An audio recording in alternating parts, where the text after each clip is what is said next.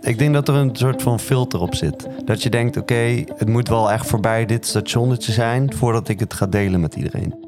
Huilen als man bijvoorbeeld. Vond ik toen ook wel een goed voorbeeld van dat ik emotioneel word. Bijvoorbeeld bij mijn vriendin in de buurt ben ik best wel selectief daar in dat opzicht. Ik huilde echt niet bij mijn vriendinnen bij. Mannen moeten uh, groot zijn, sterk zijn, mogen uh, hun, hun, gevoelens niet laten zien, pijn niet laten zien. Knuffel jij mannen? Nee. Is er een reden waarom mannen, denk jij, uh, misschien minder snel geneigd zijn om elkaar te knuffelen? Ja, toch gewoon meer een beetje groot houden, denk ik, of zo. Sindsdien heb ik mannenvrienden. Het raakt je nog, hè, als je het zegt, hè? Ja. Hoi, ik ben Evie Hendricks. En ik ben Eva de Schipper. Wij denken dat het helemaal niet zo makkelijk is om een man te zijn. Daarom banen wij ons in deze podcast een weg door het hoofd van de man. Dit is Op de Man af.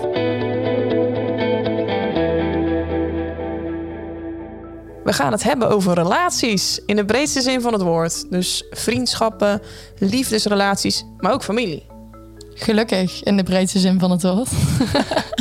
Hoezo?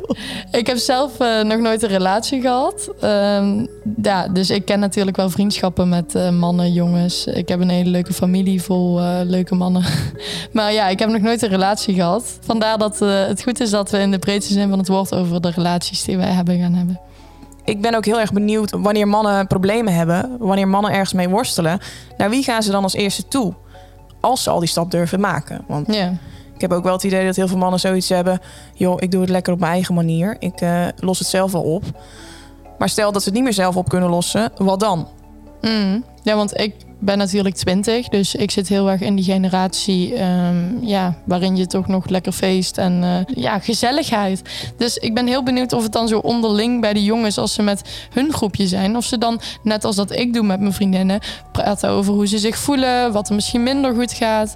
Uh, ik heb nu die indruk dat dat misschien in mijn leeftijdscategorie uh, onderling tussen die jongens niet echt gebeurt. Dus ik ben dan benieuwd, stappen ze dan bijvoorbeeld naar familie, misschien een vriendin? Zulke mensen. Ja. Mijn vriend die heeft gewoon meerdere keren per week zijn vrienden aan de lijn. Zijn vrienden wonen best wel ver weg. Hij kan niet zo elke week bij ze langs. En daar belt hij soms echt drie kwartier tot een uur mee. Oh, wauw. Toen ik hem nog niet kende, wist ik niet eens dat mannen dat zo deden. Ik ken alleen maar uh, WhatsApp-groepen met stickers, waarvan die domme stickers helemaal niet En memes. Ja. ja, nou ja, het bestaat dus wel. Hmm. Um, alleen we zien het niet altijd. Nee, want we kunnen heel veel zeggen, maar ja, wij zijn twee vrouwen, dus we zijn er natuurlijk nooit bij.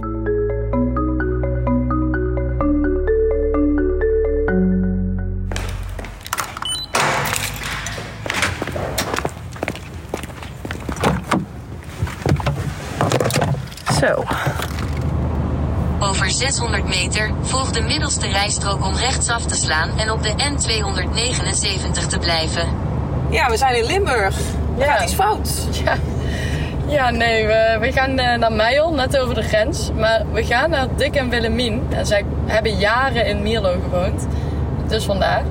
En ze zijn heel erg bezig met zichzelf ontwikkelen, met hun relatie blijven ontwikkelen. Maar ze helpen daar anderen ook bij. Zeker op die leeftijd vind ik het toch wel bijzonder dat je dan ja, toch nog iedere dag wil leren en nog zo bewust bezig bent met blijven ontwikkelen. Ik vind het sowieso al prachtig dat we gewoon mensen van in de 70 gaan spreken over hun kwetsbaarheid. Over het verschil tussen mannen en vrouwen. Mm. Misschien verschillen die er helemaal niet zo zijn. Is maar net hoe zij het natuurlijk beleven. Mm. Ik denk dat wij er misschien ook wel het een en ander van kunnen leren. Want zij hebben natuurlijk zoveel ervaringen ja. en dingen meegemaakt. Ja, levenservaring van yeah. jou daar natuurlijk. Mm.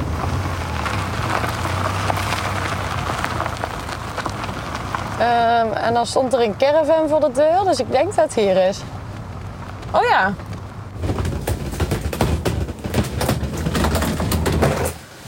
Het ziet er wel echt heel knus uit. Zo'n houten bungalow. Mm. Hallo. Hi, ik ben Evie. Hallo. We hebben elkaar al uh, gesproken. Hi, goedemiddag. Eva, aangenaam. Dick en Willemien, we zitten op jullie terras uh, bij jullie bungalow midden in de bossen. Heel mooi.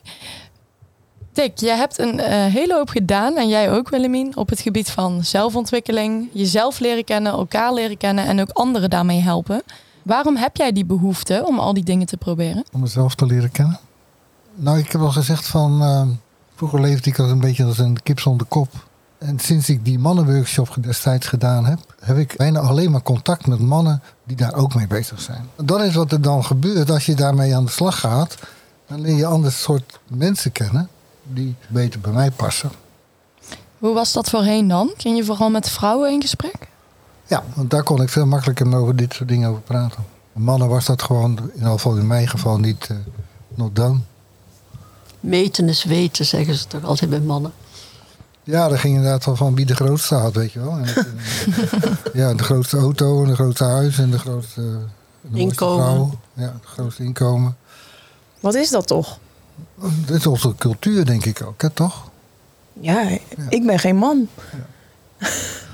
ja. Ik weet het niet. Je zit in dezelfde cultuur, hè? Ik hoorde je net zeggen, um, ik heb heel lang als een kip zonder kop geleefd. Uh, op een gegeven moment kwam bij mij echt een bewustzijn van, ik ga hier aan werken.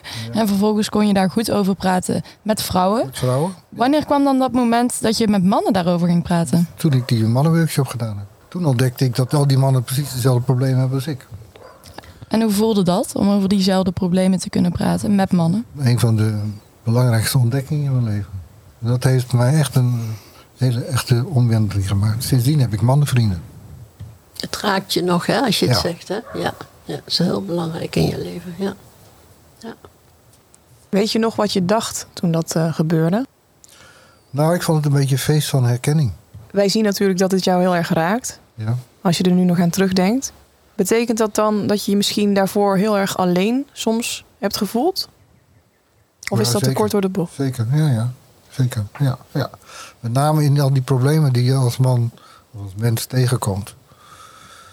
Heb je niet in de gaten dat die mannen met dezelfde problemen rondlopen. Want daar praten we gewoon nooit over.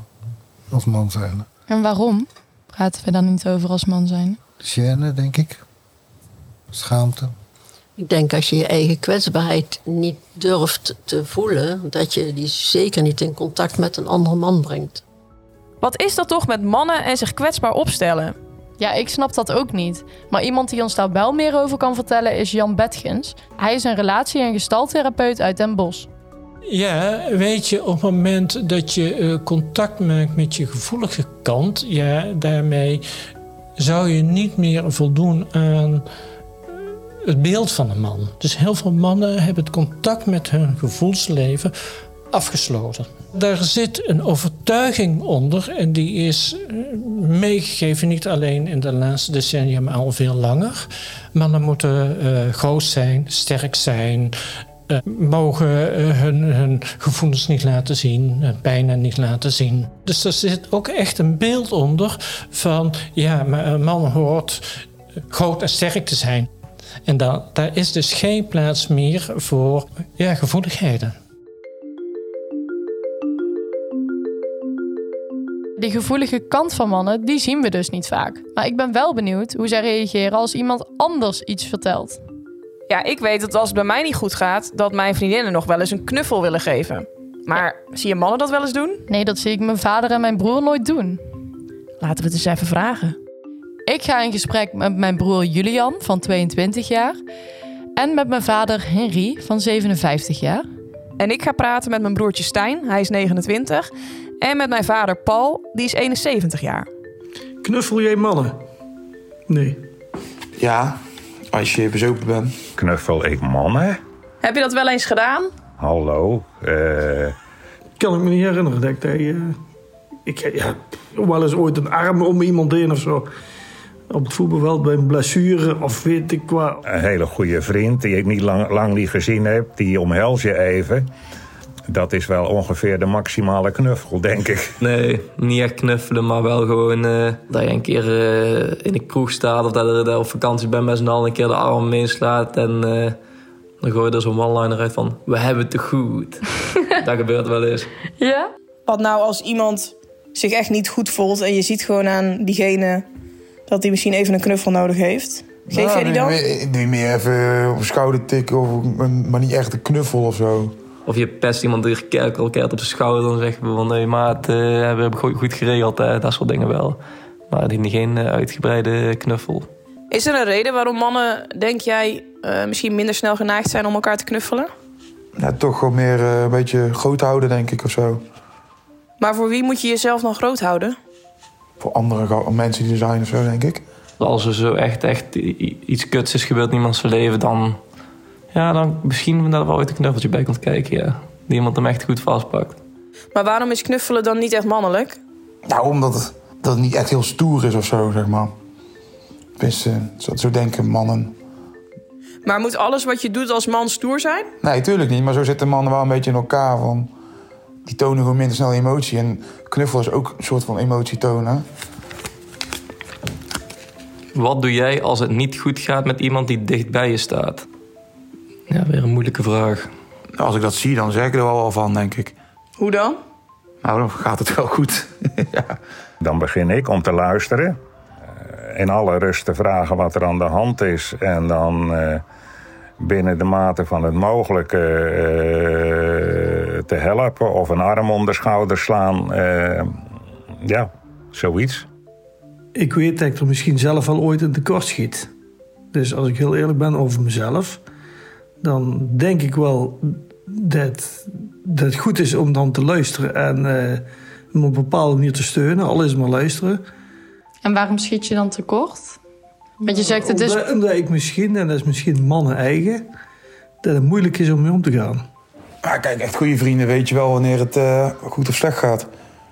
En dan vragen wij, je gaat toch, ja, misschien niet letterlijk zo, maar eh, ik zie dat je moe bent of zo bijvoorbeeld, of is er wat aan de hand. Dan vraag ik dat wel, ja. Vind je het dan soms lastig om alleen te luisteren en te troosten? Dat is lastig, ja. Dus dat is, dat is moeilijk. Zeker als je altijd oplossinggericht eh, over dingen nadenkt. Zo denk ik vaak, maar dat is vaak ook wel eens niet de oplossing. Hoe reageren ze daar dan op? Ja, meestal gewoon goed, hè. Of zeggen ze van, ik ben moe, of eh, het gaat niet zo goed met mijn vriendin, of... of dan praat je daar wel over, ja. Dan wordt er wel dus over gevoelens gepraat. Ja, dan wel, ja, maar dat is nooit echt dat er echt hele lange gesprekken zijn bij ons of zo. Dat, Hoe eh, eindigt zo'n gesprek dan bijvoorbeeld? Oh, gewoon goed dat je het, eh, goed dat je het vra- gevraagd hebt en eh, nu lekker een piltje drinken. Zoiets meestal.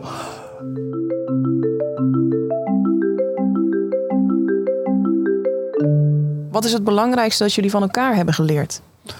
Ik maak altijd heel snel keuzes. En Willemien is precies tegenovergestelde. Die neemt de tijd.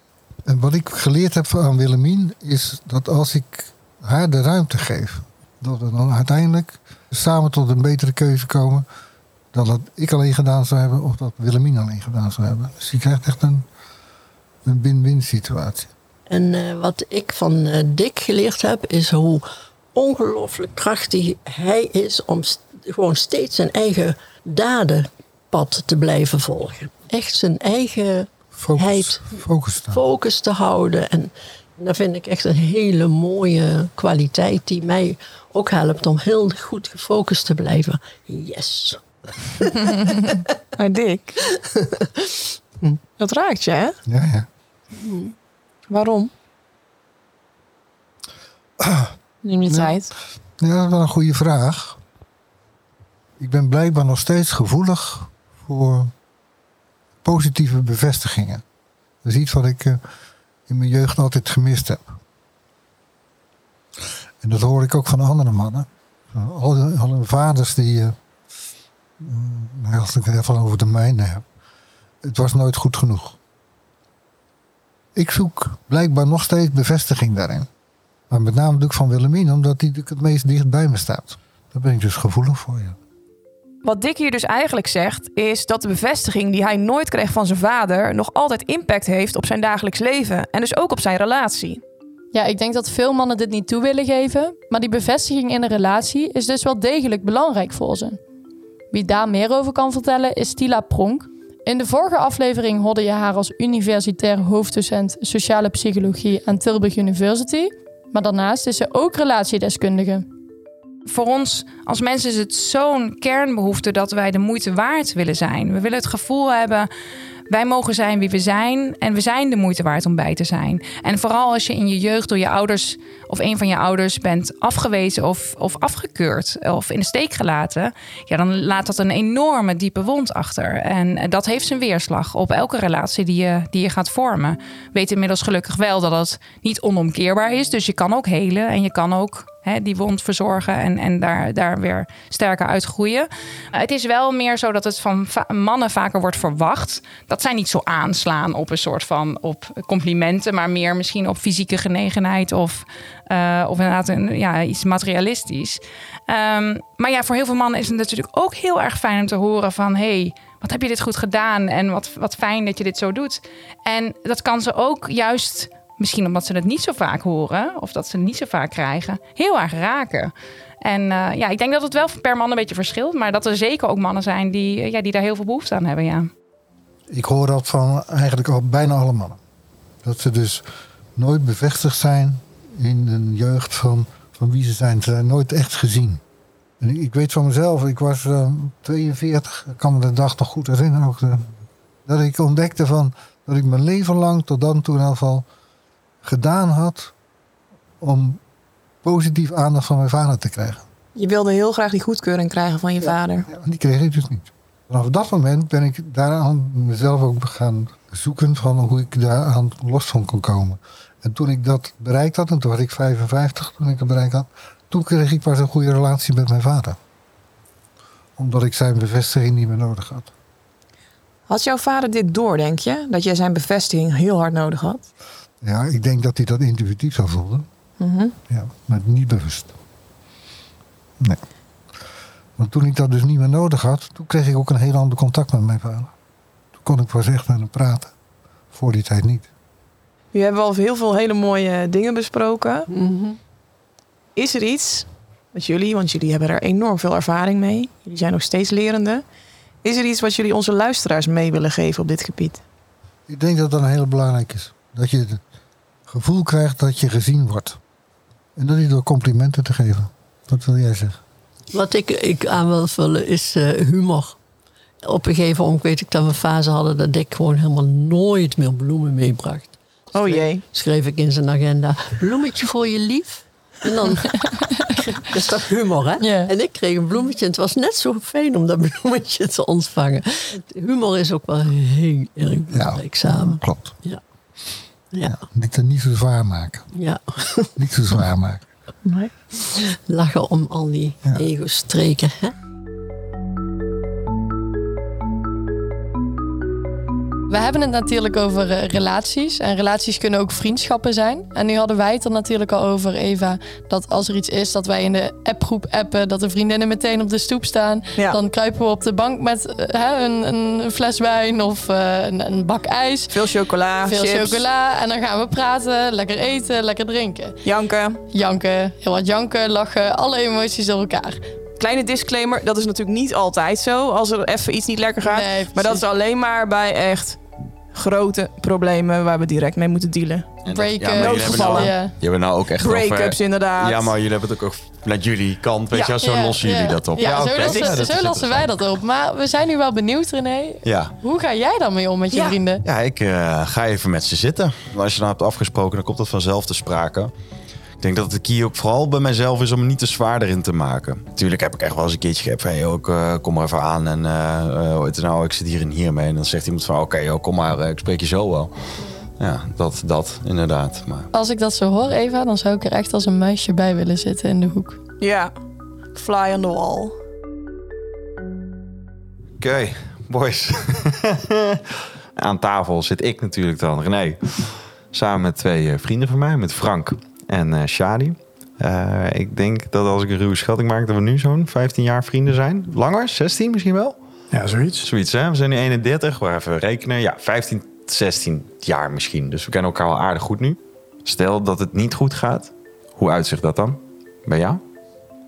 Lastig. Ik denk uh, dat het man eigen is. En ik denk dat het wat het ons, onze groep misschien wel heel bijzonder maakt, is dat wij toch wel enigszins hebben geleerd om over ons gevoel te praten. Waar we dat vroeger bijvoorbeeld helemaal niet konden. Dan heb ik het over 10, 15 jaar, geleden. Hè? Zoiets. Ja. ja, dat herken ik wel, ja. En wat, wat, ik, wat ik daarvan heb geleerd is dat je ook met je beste vrienden... of met je, ook zo misschien wel mensen die je niet eens heel goed kent... gewoon over je gevoel kan praten. En dat heeft mij enorm geholpen.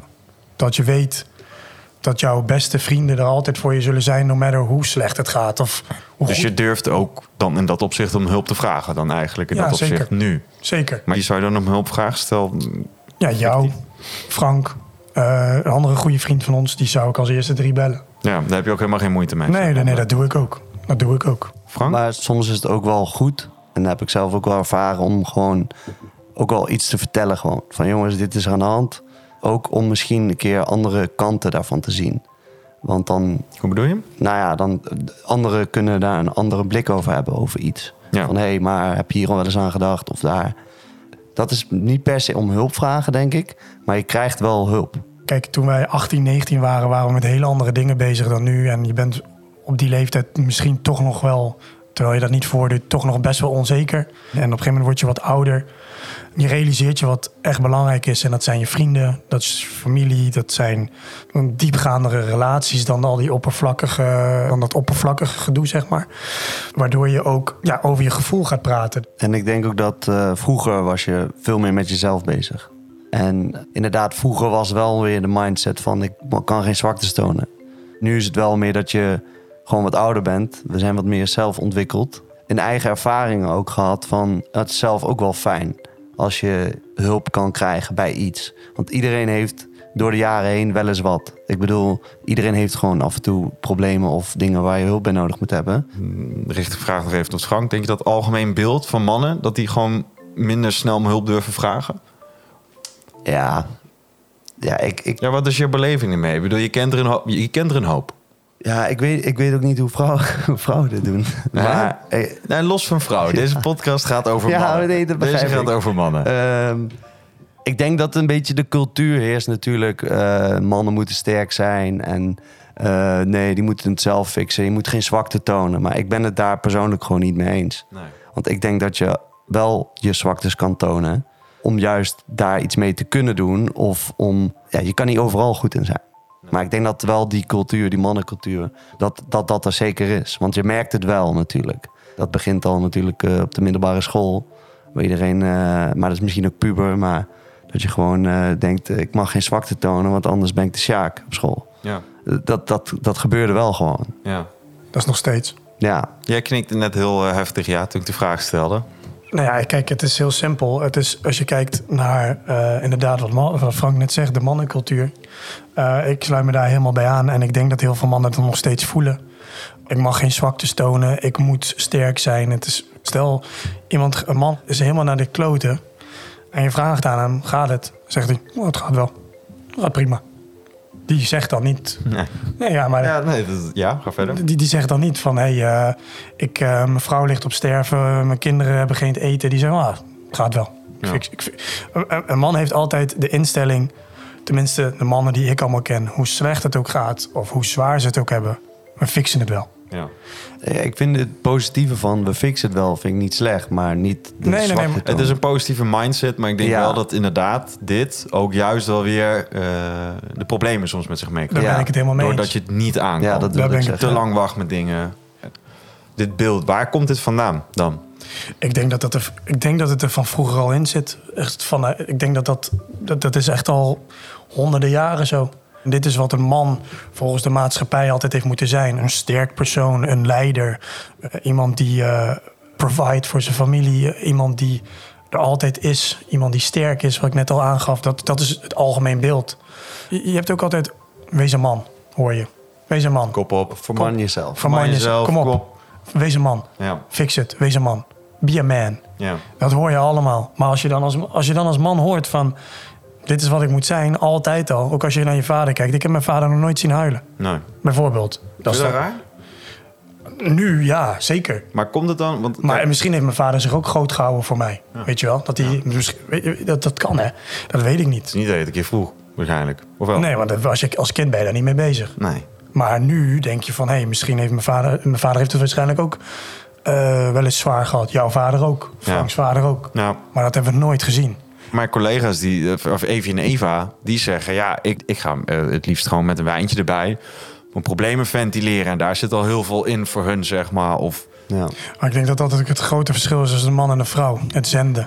Ja. Want dat is iets wat wij bijvoorbeeld niet zo snel doen. Nee. Wij zenden niet. Ik zoveel. denk dat er een soort van filter op zit. Dat, dus dat, denk je, ik ook. dat je denkt, oké, okay, het moet wel echt voorbij dit stationnetje zijn... voordat ik het ga delen met iedereen. Als ik bijvoorbeeld met vrienden wil zijn...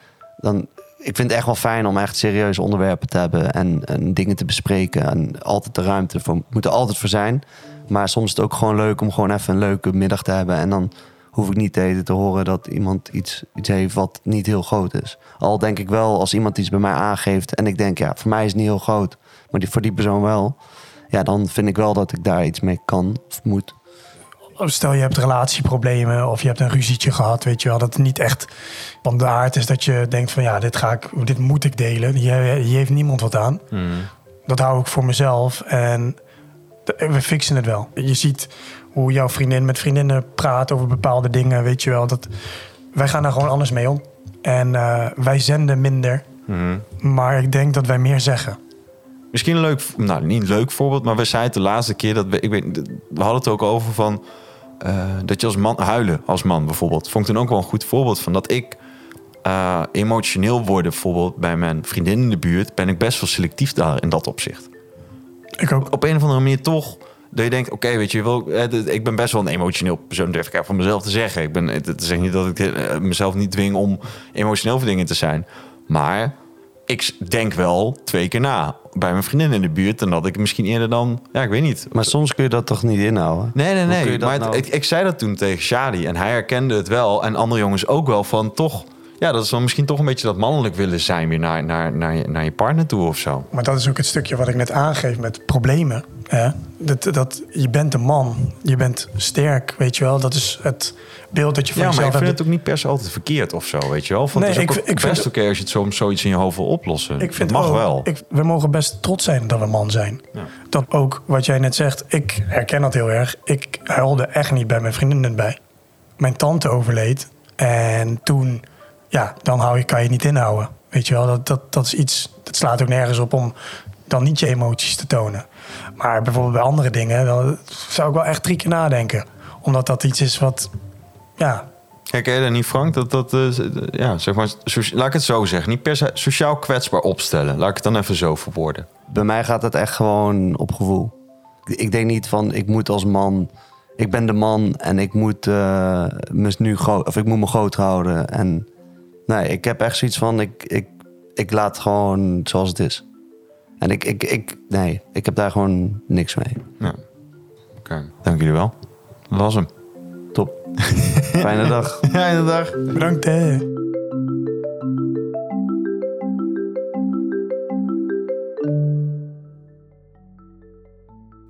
Ja, Evie, ik denk dat ik wel kan zeggen dat wij heel erg hebben genoten van het gesprek. Zeker, Nee. ja. Het was echt zo mooi om jullie samen te horen. En ook, eh, je hoorde echt een beetje die bromance met z'n allen. Ja. Ik heb al vaker zitten nadenken hierover. Van ik zou soms echt een soort muisje willen zijn die meekijkt. Een soort fly on the wall bij een Ja. vriendengroep. En zo voelde het ook. Ja. Echt heel mooi. Maar ik denk dat dat, dat, kijk, het los van onze groep, dat is denk ik overal wel zo, weet je wel. Iedereen zal denk ik wel een beetje een vlieg willen zijn, soms met dingen mee willen luisteren. Maar eh, ja, nee, dat, dat, dat was een mooi gesprek. Voor jullie vriendengroep is het misschien heel normaal om zo open met elkaar om te gaan. En eh, ja, gevoelens met elkaar te bespreken. Maar ik weet bijvoorbeeld van mijn broertje, en ik kijk even naar Evie, eh, jouw broertje. eh, dat zijn niet van die types die dit zo snel zouden doen met z'n allen. En dat dan ook nog eens zouden opnemen. Hoe Ja. vind je dat zelf, hoe dat is gegaan? Ja, nou ja, dat is dus dat stukje onwennig natuurlijk. Hè? Dus dat je, dat je het in één keer opneemt. En, denk je, en dan ga je in één keer terug horen, waar heb je het dan normaal met elkaar over? Eh, ja, ik herken het wel dat in onze groep, eh, met mijn vrienden en ook andere vrienden die we niet gehoord hebben, dat, dat, daar heb ik dat ook wel mee. Dus ik denk ook wel ja, dat ik het deels zo mensen om me heen uitzoek. Maar ik heb ook vrienden tussen waarbij dat misschien wat minder is. En dat is gewoon prima. Jullie hebben hier sowieso over nagepraat. nee hoor. nee, maar hoe, hoe vonden zij het zelf? Het gesprek, geloof het of niet, was een one-taker. Dus we hebben gewoon aangezet, uitgezet. Dus dat, dat was al heel mooi. We hebben niet, oké, we gaan dit even opnieuw, we gaan dat even opnieuw doen. Dus dat vond ik heel mooi. Dus in dat opzicht is het een heel open, eerlijk en puur gesprek. Nou, wij hebben er in ieder geval heel erg van genoten. Ik zou er zo meer afleveringen van kunnen laten beluisteren hoor. Nou, wie Serieus weet. waar. Wie weet. Gewoon elke keer een ander onderwerp. Ja. Ik voel een nieuwe podcast aankomen. René. Ik denk het ook.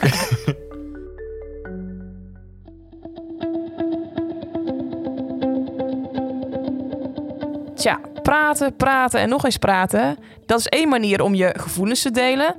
Maar ja, bij gevoelens komen natuurlijk ook gewoon emoties kijken. Ja, en een van die emoties is verdriet. En wat mannen doen als ze verdrietig zijn, dat zoeken we uit in aflevering 3. Want dan hoor je onder andere dit. Een man mag ook huilen. dat ik echt gewoon op de grond heb gelegen van, van, van verdriet. Wanneer heb jij voor het laatst gehuild? Dat weet ik niet eens meer. Het is wel een feit dat ze veel minder huilen dan vrouwen. Ik heb niet gehuild, want het water was nat genoeg. Je hebt dus wel gehuild. Ja, ja. Je luisterde naar Op de Man af, een podcast van Omroep Brabant. Deze podcast is gemaakt door Evi Hendricks en Eva de Schipper. René Snippert deed verslag, eindredactie was in handen van Janneke Bos en de vormgeving is gedaan door Michiel Kom. Wij willen alle mannen die in de podcast hoorden bedanken voor hun openheid en vertrouwen. Daarnaast willen we alle experts natuurlijk bedanken. Wil je meer podcasts van Omroep Brabant luisteren? Ga dan naar www.omroepbrabant.nl/podcast.